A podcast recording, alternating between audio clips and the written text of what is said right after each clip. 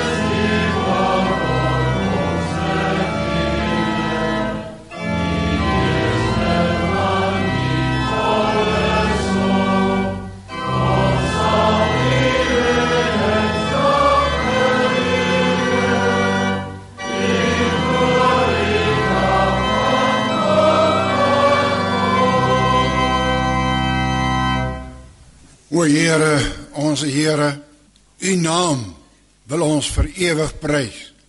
Want U is groot en goed. U is vol genade en barmhartigheid. U skenk aan ons Here U guns en U liefde in so ryke mate.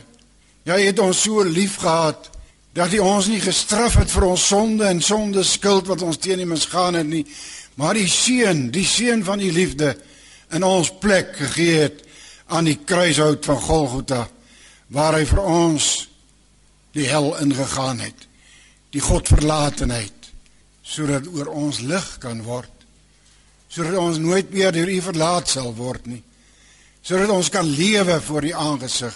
Ons dank die Here dat ons so vanmôre hier saam vergader mag wees rondom u woord. U wat ons elke dag wil lei deur u goddelike openbaring waarin ons u kon leer ken wat die Heilige Gees geïnspireer het en wat ons mag weet dis u woord. U praat met ons in ons taal en ons mag dit self lees en verstaan. En ons dank u ook vir die voorreg om saam te kom om te luister na die prediking en ons altyd weer dieper en dieper ingelei mag word in die waarheid van u woord. En ons mag groei en toeneem in die kennis van die waarheid sodat ons van krag tot krag mag voortgaan in die dade van die geloof. U naam sal verheerlik en groot maak op alle lewensterreine. Seën Here hierdie gemeente om Christus wil. Amen.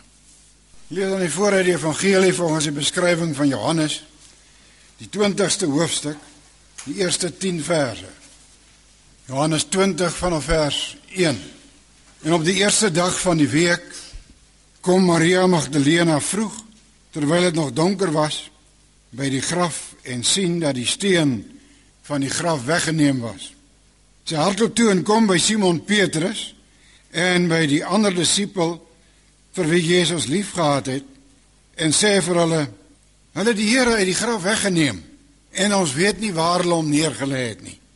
Toe gaan Petrus en die ander disipel uit en kom by die graf En die twee het saam gehardloop. Die ander disipel het vooruit gehardloop, vinniger as Petrus en eerste by die graf gekom. Die ander disipel is natuurlik Johannes wat hierdie evangelie geskryf het. En terwyl hy, dis Petrus neerbuk, nee Johannes, toe hy neerbuk, sien hy die doeke lê, maar het nie ingegaan nie. Toe kom Simon Petrus agter hom aan en gaan in die graf en sien die doeke lê. En die doek wat op sy hoof was, sien hy nie by die doeke lê nie, maar opgerol op een plek afsonderlik. Daarop het ook die ander disipel Johannes wat eerste by die graf gekom het, ingegaan en hy het gesien en geglo. Want hulle het nog nie die skrif verstaan dat hy uit die dode moes opstaan nie. En die disippels het weer huis toe gegaan. Ons teksverse is verse 4 tot 8 en die twee het saam gehardloop. Die ander disipel het vooruit gehardloop vinniger as Petrus en eers by die graf gekom en toe hy neerbuk sien hy die doeke lê maar hy het nie ingegaan nie. Toe kom Simon Petrus agter hom aan en gaan in die graf en sien die doeke lê. En die doek wat op sy hoof was, sien hy nie by die doeke lê nie, maar opgerol op een plek afsonderlik. Daarop het hy ook die ander disipel wat eers by die graf gekom het, ingegaan en hy het gesien en geglo. Geliefdes in ons Here Jesus Christus, ons bely dat ons glo dat Jesus Christus uit die dood opgestaan het op die derde dag. Hy het uit die dood opgestaan.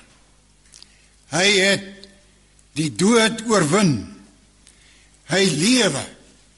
Glo jy dit wat u bely? Dat hy lewe.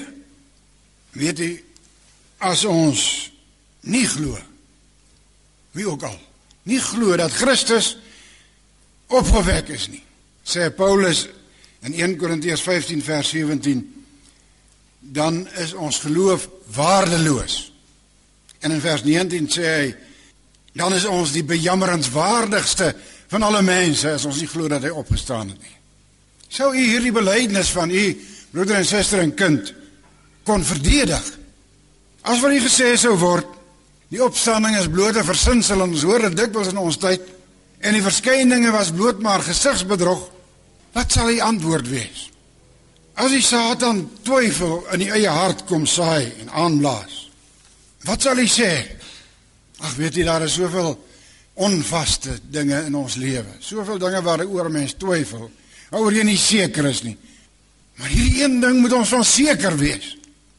Dat Jesus Christus die dood oorwin het. Maar as iemand ons nou vra, kan jy dit bewys? Dan sal ons sê as daar tye van twyfel dalk by ons opkom dat Jesus se eie disippels ook getwyfel het. Maar die twyfel is in 'n harte oorwin deur konkrete bewyse.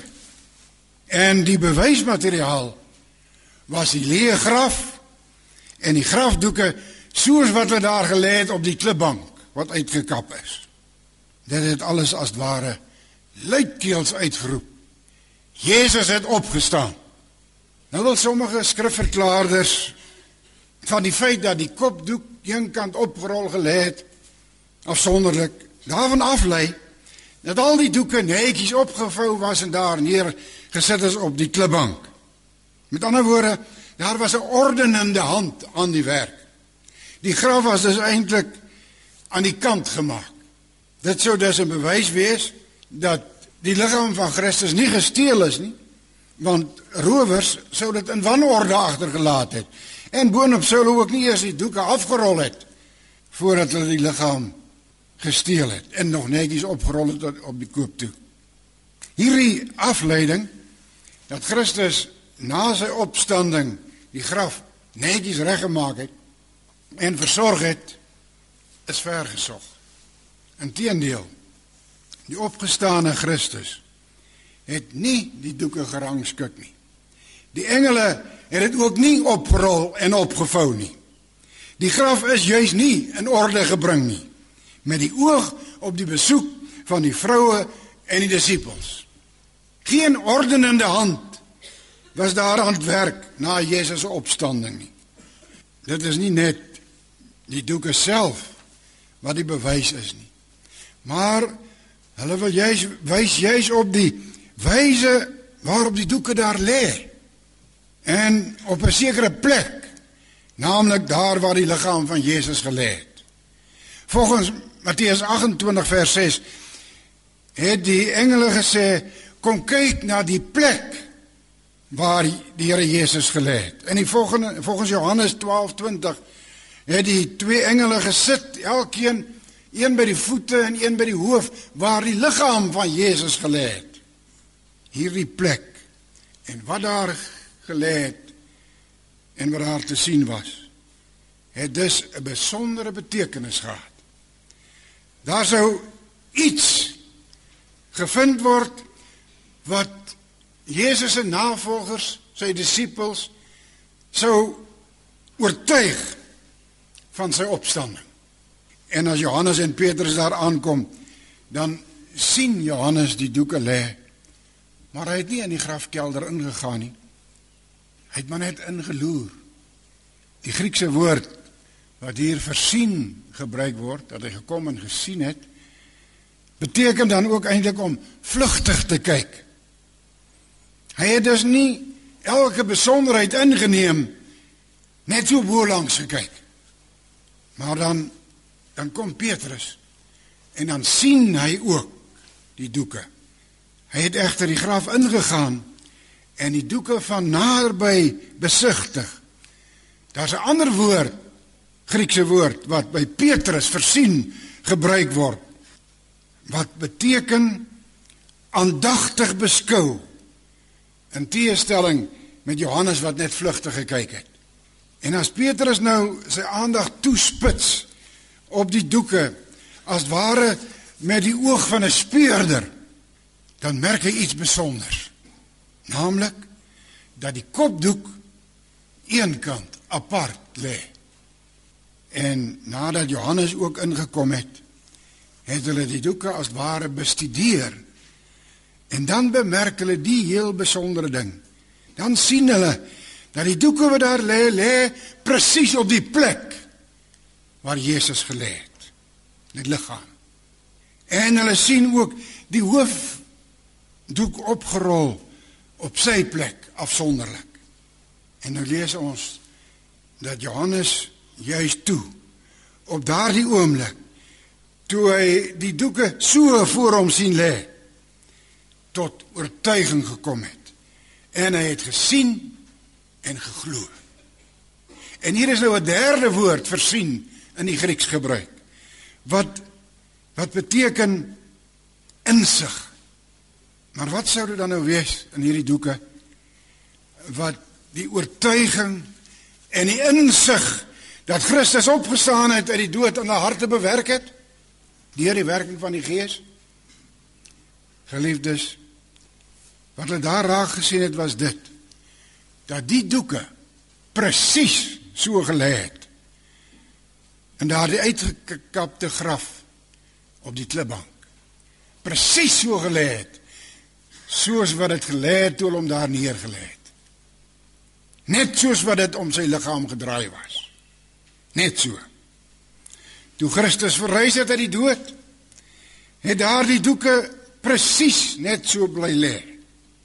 So dat die patroon van die liggaam wat daarmee toegedraai was presies daar duidelik sigbaar was, afgeteken gelê het. Dit was sommer te sien. Hier het iemand gelê en die verheerlikte opstandingsliggaam van Christus kon daaruit opreis sonder om iets daarvan te versteur. Sy liggaam was nog dieselfde, tog anders, verheerlik. Nog dieselfde liggaam, maar nie meer aan dieselfde wette onderworpe as ons stoffelike liggame nie. Nog vlees en bloed, tog kon hy daar dieselfde aand nog deur geslote deure deurgaan na sy disippels wat daar agter die geslote deure vergader was uit vrees vir die Jode. En so het die engele ook nie die klip voor die graf weggerol sodat Jesus kon uitkom nie, maar hy het die klip weggerol sodat die vroue en die disippels kon ingaan en sien en kyk. Die steen voor die graf was vir Christus geen hindernis nie. Die steen is weggerol sodat die ander kon sien.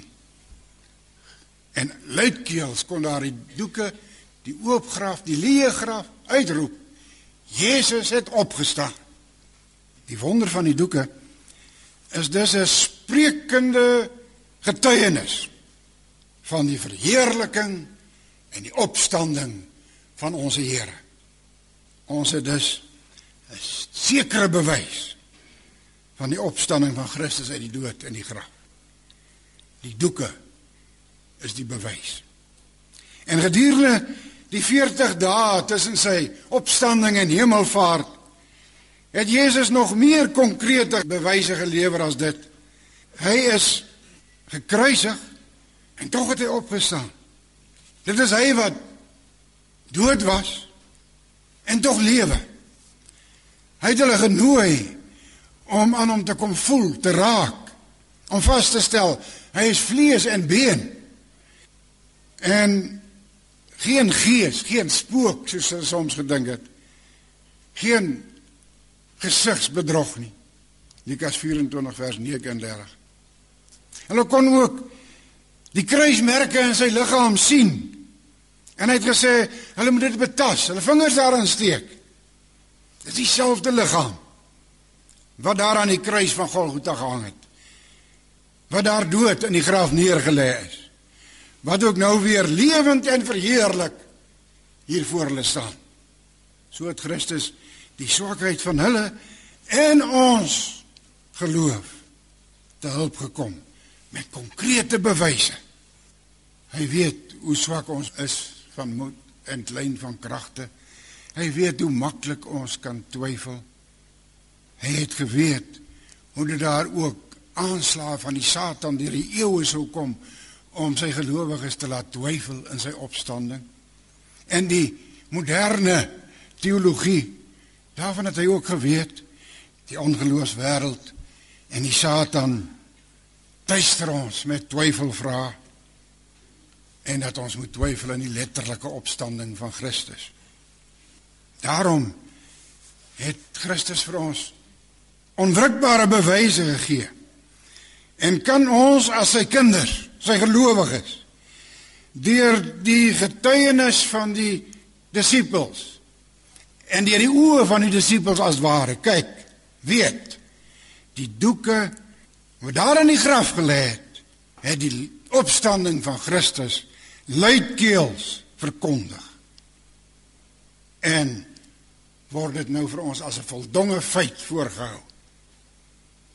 So gebruik die Here sigbare dinge om ons ongeloof te versterk. Of klein geloof. Hy gebruik brood en wyn by die nagmaal as sigbare tekens en seels van die sterwe van Christus aan die kruis vir ons sonde. Water by die doop as sigbare teken van sy soenbloed wat ons sondes afwas. Grafdoeke. Gebraaide vis, leen heuningkoeke op sigbare as sigbare tekens van sy opstanding. Nou is seker so dat hiermee geen ongelowige en geen ateës en geen verwerper van God en hierdie bewyse van die skrif hulle sal oortuig nie. Want hulle wil nie oortuig wees nie. Maar by medegelowiges wat nog twyfel kan ons goeie werk hiermee doen? En by onsself as die twyfel met ons opkom sulke oomblikke is daar dan dien hierdie wonder vir ons tot 'n heerlike versterking van die geloof. Hier vind ons heerlike steunpilare deur God se genade daar gestel om ons geloof te ondersteun. En kan ons uitroep, ek glo Here, kom my ongeloof te help. En hoe meer ons die skrif gaan ondersoek, broeder en suster en kind, meer ons by die kerk uitkom Hoe meer ons na ons katekisasie toe gaan en die lesse leer, des te meer sal ons agterkom dat die geloof nie maar 'n blinde aanvaarding is van dinge wat daar iewers ter hoog in die lug hang of wegsweef nie, vaag swewend is nie, onwerklik is nie. Die geloof is nie 'n sprong, 'n waagstuk, 'n sprong in die duister nie. Ons Here en Heiland lewe En hy bestry ook ons twyfels met konkrete dinge as bewys dat hy lewe vir ons as gelowiges. Nie maar 2000 jaar gelede geleef het nie. Nee, Hy lewe nou. Hier vandag. Hier in ons midde. By en met u is hy. Ook vanmôre. sien hy hom raak met u geestes oog. Hy's hier.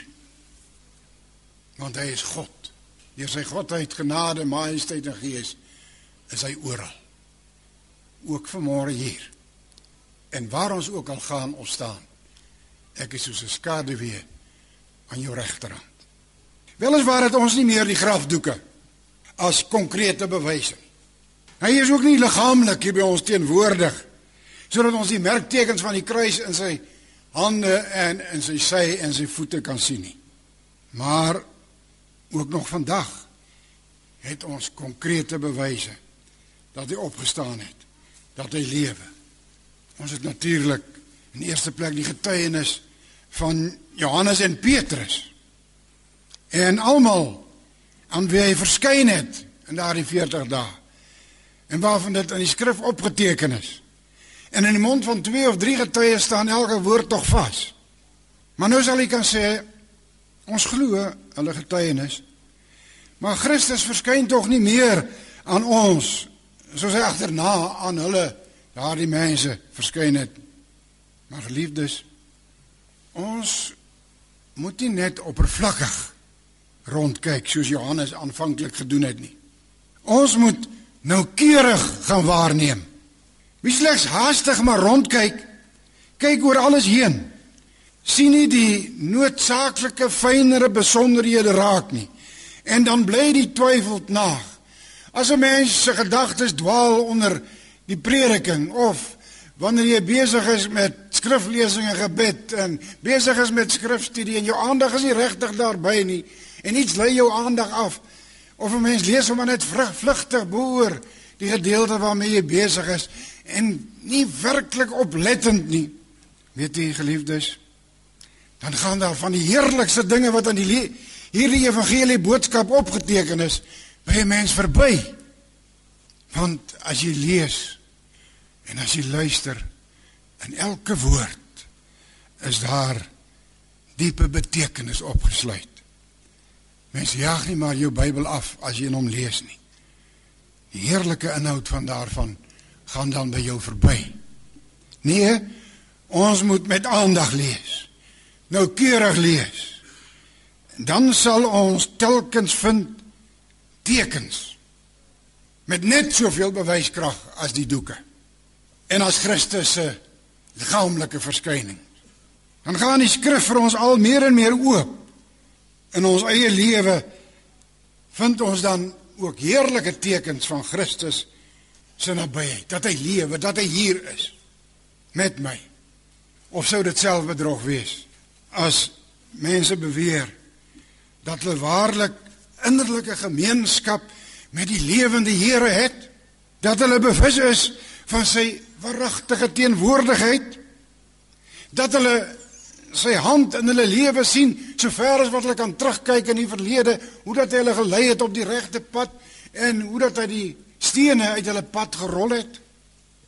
Dat hulle sy opstandingskrag in hulle voel werk, invloei om hulle krag te gee om vas te staan in die stryd van die lewe en op te staan tot 'n nuwe lewe in sy opstandingskrag. Dat hulle heerlike vreugde belewe omdat hulle oortuig is daarvan dat die opgestane Christus hulle ook regverdig gemaak het in die geloof, hulle sonde vergewe het. Of sou Christus ons bedrieg het toe hy gesê het: "Kyk, ek is met julle al die dae tot aan die volëinding van die wêreld." En waar twee of drie in my naam vergader is, daar sal ek ook teenwoordig wees. En sou dit blote oorspannenheid wees as mense getuig dat hulle in lyde en in droefheid en beproewinge in angs en in krisisse. Sy teenwoordigheid so geestelik heerlik konkreet ervaar dat hy vir 'n krag skenk na kruis.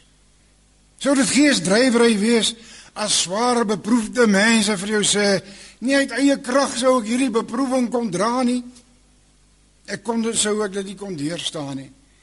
Maar die Here het my krag gegee. Hy het my hand gevat. Hy het my staande gehou. Hy het sy krag in my swakheid volbring.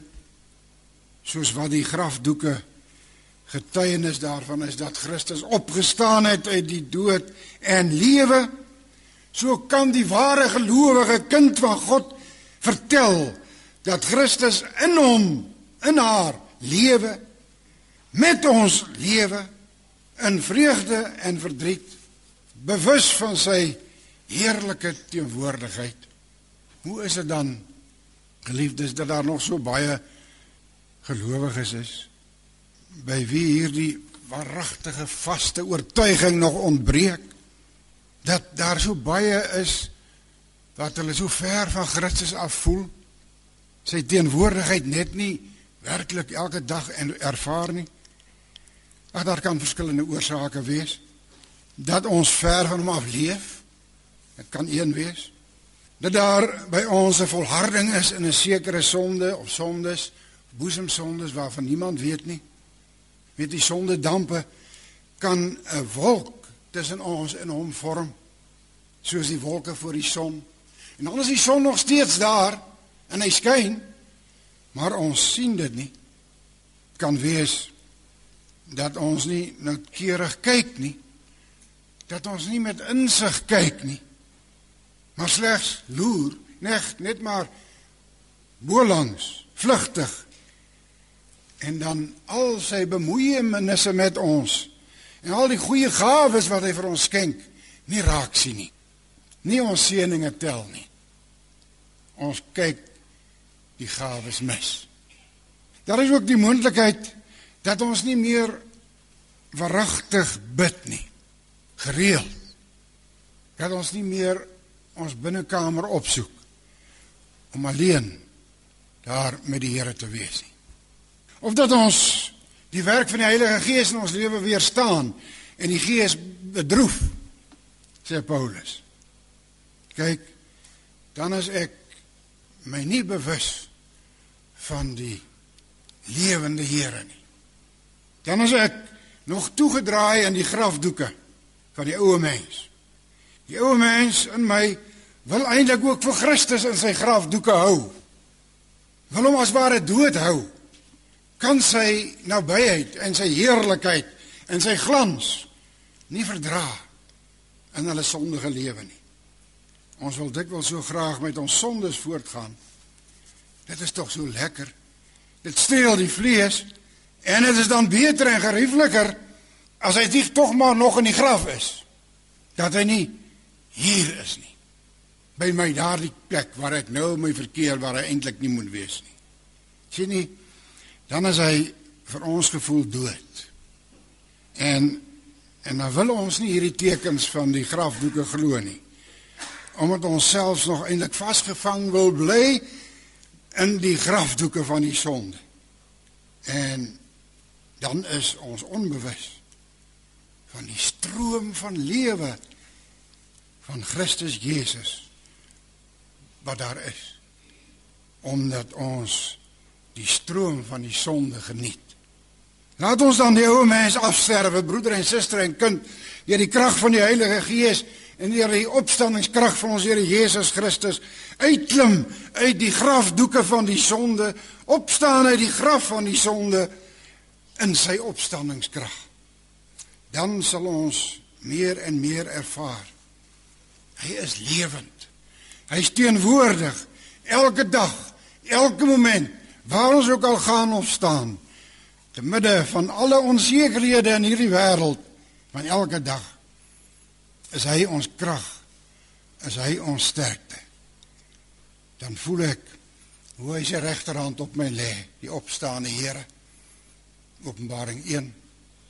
Hoe die lewende Here my versterk, want hy het self gesê ek in julle en julle in my. Ek leef nie meer nie sê Paulus, want Jesus Christus leef in my en ek is tot alles in staat deur hom wat my krag gee. Te midde van al die aanslae op hierdie wêreld teen ons en teen ons lewe en teen ons geloof, leef ons dan soos mense wat saam met Christus gesterf het aan die kruis, wat saam met hom opgestaan het uit die graf bekleed is met sy kleed van geregtigheid en heiligheid en uiteindelik ook met die volle heerlikheid in die hemel. Nuwe gelowige mens wat sien met die geestesoog oop te kan sien tot ware insig gekom het Christus lewe. Amen. Kom laat ons sing Psalm 16 vers 4 en 5.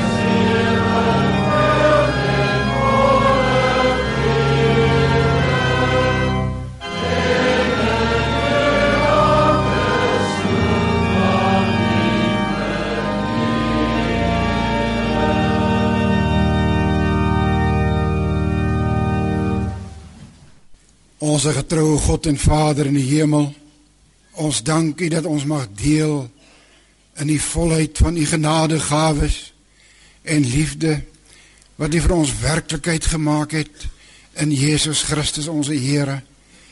Dat hy gekom het na hierdie wêreld toe om in te daal in ons nood, in ons dood, in ons sonde, in ons skuld, in ons oortredinge, in ons Godverlatenheid in ons duisternis in ons hel om daaruit op te staan uit die graf as oorwinnaar om vir ons die lewe te skenk.